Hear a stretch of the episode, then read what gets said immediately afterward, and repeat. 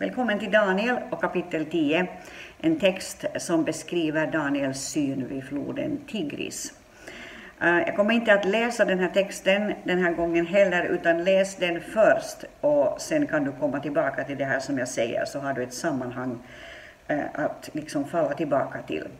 Men det här är alltså någonting som beskriver en syn som Daniel har vid floden Tigris. Eh, Tigris är en flod som också nämns i Första Mosebokens andra kapitel och fjortonde vers. Och det tänkte jag läsa för dig. Eufrat och Tigris är ju kända, kända floder och det står så här i den fjortonde versen i Första Moseboken 2. Den tredje floden heter Tigris. Det är den som flyter öster om Assur. Den fjärde floden är Eufrat. Och Eufrat och Tigris eh, brukar ju ofta så att säga sättas ihop. Två floder som flyter parallellt bredvid varandra. Eh, det är en, flod som är 1850 kilometer lång. Eh, den är den östra delen av flodparet eh, Eufrat och Tigris. Tigris flyter ner från bergen i Turkiet söderut genom Irak och alltså parallellt med Eufrat. Och det här som Daniel då ser den här synen som man har, den sker vid floden Tigris och året är alltså 537 f.Kr.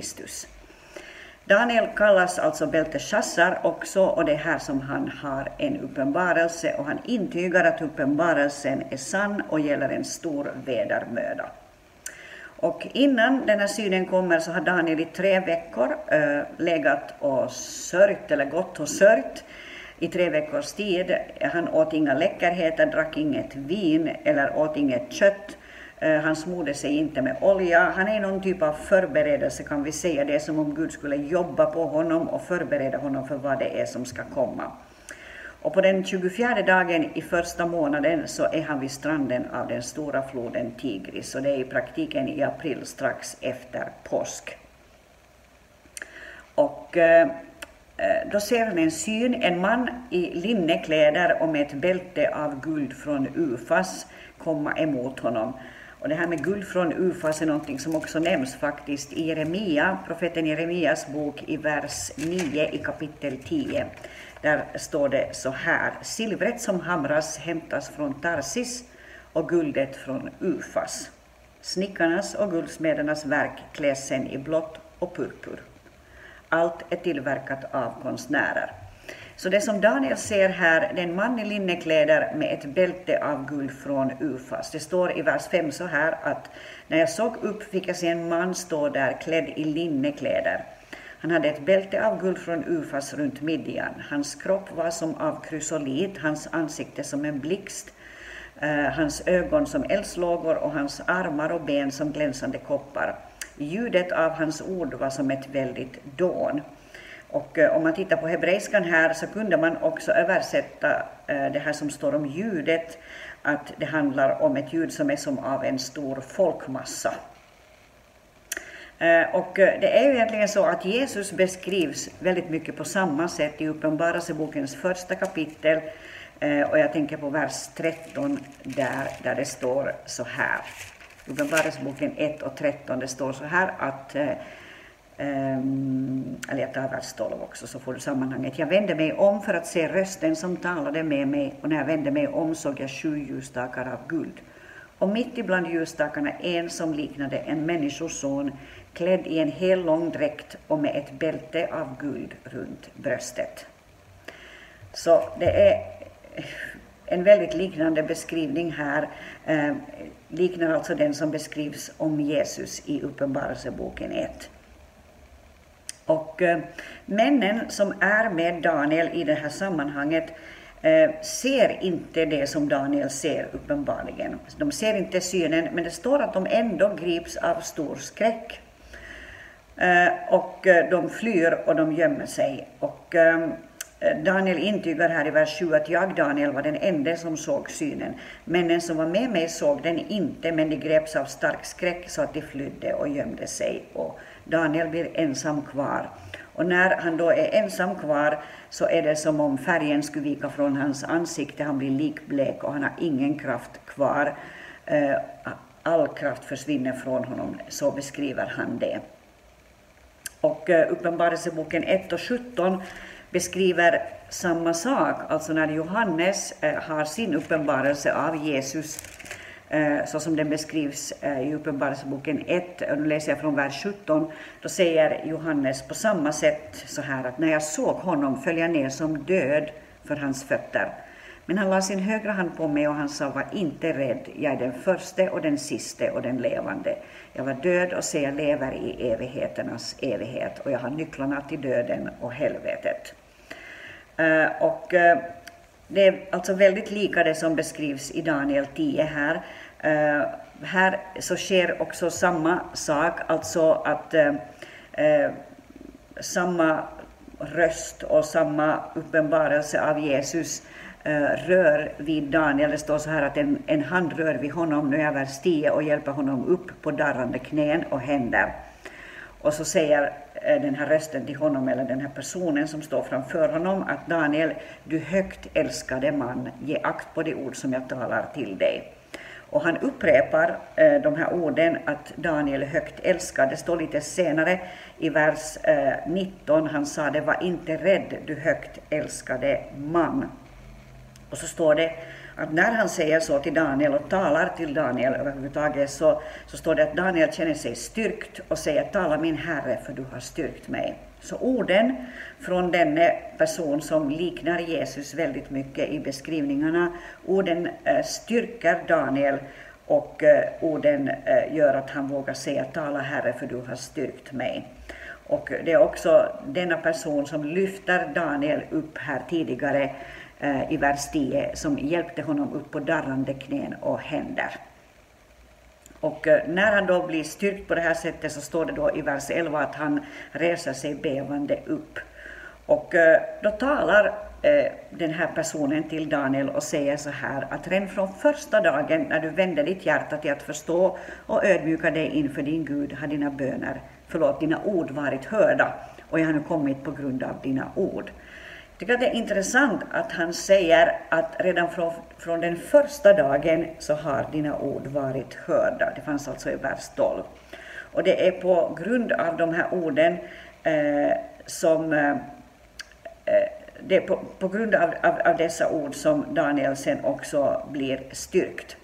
Redan från, de här, från den här första dagen som han har börjat be så, så har eh, orden hörts i himmelen och nu har eh, har Jesus då kommit för att eh, intyga för Daniel att bönerna är hörda.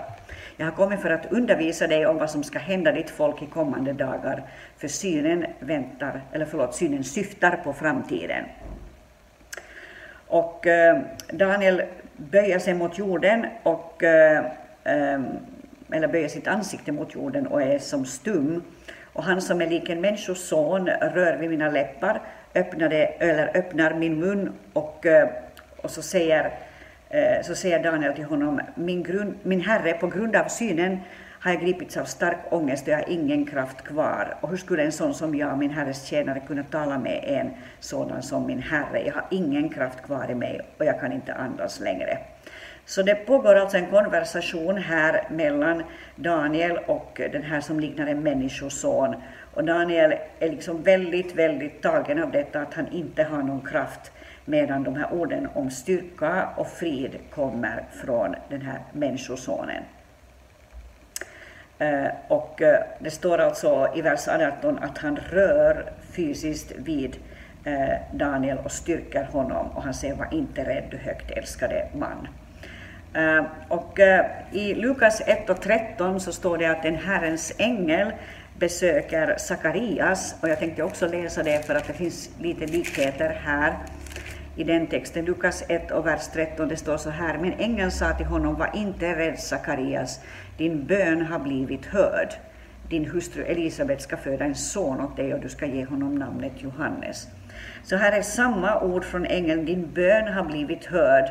Eh, till Daniel säger den här eh, den här eh, människosonen här att redan första dagen när du bad så blev dina böner hörda. Och här i Lukas 1 och 13 så säger ängeln till eh, eh, Sakarias att din bön har blivit hörd. Eh, I Apostlagärningarna 10, vers 30-31 har vi också något liknande. som jag ska läsa för dig. Det står så här i kapitel 10, vers 30-31. Cornelius svarade, för fyra dagar sedan, just vid den här tiden, den nionde timmen, var jag här hemma och bad. Då stod plötsligt en man i skinande kläder framför mig och sade, Cornelius, Gud har hört din bön och kommit ihåg dina gåvor. Samma sak, Gud har hört, underförstått redan från den första dagen. Eh, och eh,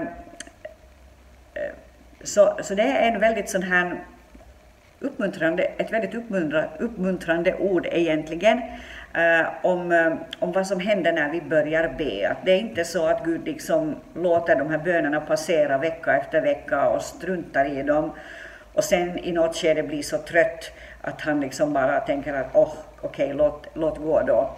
Eh, även om det finns i och för sig en, en sån liknande bild i Lukas evangeliums elfte kapitel, jag ska läsa för dig alldeles strax.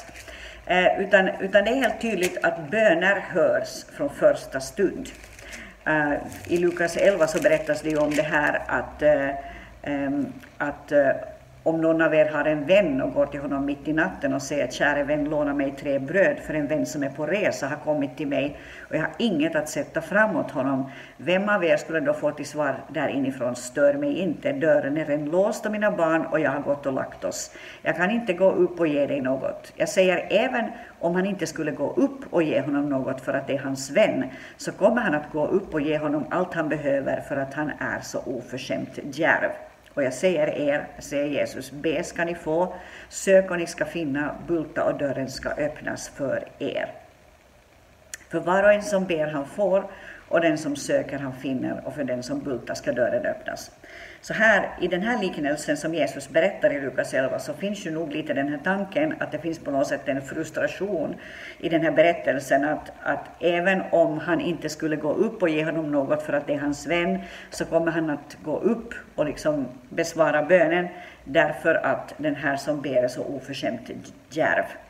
Nu är tanken i Daniels bok och, och i de här andra texterna som vi läste, eh, Apostlagärningarna och Lukas, 1, Apostlagärningarna 10 och Lukas 1, så är tanken nog att böner hörs rakt av från första början.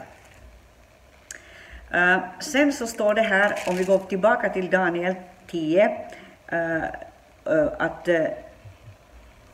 att Mikael, Mikael fursten Mikael nämns här alldeles i slutet, att fursten Mikael hjälpte, hjälpte till där Eh, det stod så här att ingen enda hjälper mig mot dessa, alltså mot dessa furstar över Persien och furstar eh, över Grekland och så vidare.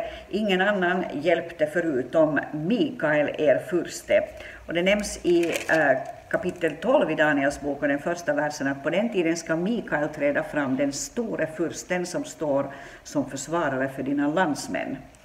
Eh, så eh, fursten Mikael kommer till hjälp här i den här situationen när den här striden blir, äh, blir liksom beskriven. Uh, och uh, Mikael nämns också i Uppenbarelseboken 12 och 7 uh, där det står så här, alltså denna, denna stridande ängel, alltså i, i positiv bemärkelse stridande ängel. Det står så här i eh, den sjunde versen i Uppenbarelseboken 12. Och det blev strid i himlen, Mikael och hans änglar stred mot draken. Eh, och draken och hans änglar stred, men han var inte stark nog och det fanns inte längre någon plats för dem i himlen. Eh, så Mikael fursten beskrivs och det handlar om en stor och det handlar om en stark furste. Eh, här i vers 18, det glömde jag, jag hoppade över det, så står det att han som såg ut som en människa rörde vid mig och styrkte mig och sa, var inte rädd, eh, du högt älskade man, frid vare med dig, var stark, jag var stark. Och det, det här påminner väldigt mycket om det som profeten Jesaja får höra i det 35 kapitlet och i den tredje versen, där det står eh, så här, att Jesaja säger stärk kraftlösa händer, styrk vacklande knän, säg till oroliga hjärtan, var starka, var inte rädda. Se, er Gud är här. Han kommer med hämnd, med vedergällning från Gud. Han kommer själv och frälser er. Ehm, så alla de här texterna påminner om den styrka som är i farten när Gud agerar, men också detta att Gud talar frid, Gud talar lugn in i situationen, in i den här bönesituationen. Och det är kanske det viktigaste vi kan plocka med oss, eller som åtminstone jag vill plocka med mig från det här sammanhanget, att i alla bönesituationer där vi kämpar och vi ber för saker och ting som kanske pågår vecka efter vecka, månad efter månad, år efter år, utan att vi kanske ännu har fått ett svar, så finns liksom den där friden som behöver få lägga sig över våra liv Eh, friden och insikten om att det här är på Guds bord och den här insikten om att redan från den första dagen när vi eh, kom inför Herren och lade fram de här sakerna inför honom så är dessa våra böner hörda. Och därmed så vill jag avsluta den här sessionen som blev lite kortare den här gången. Nästa gång så ska vi gå in i Daniel 11 och eh, tills dess så vill jag önska dig en jättefin vecka.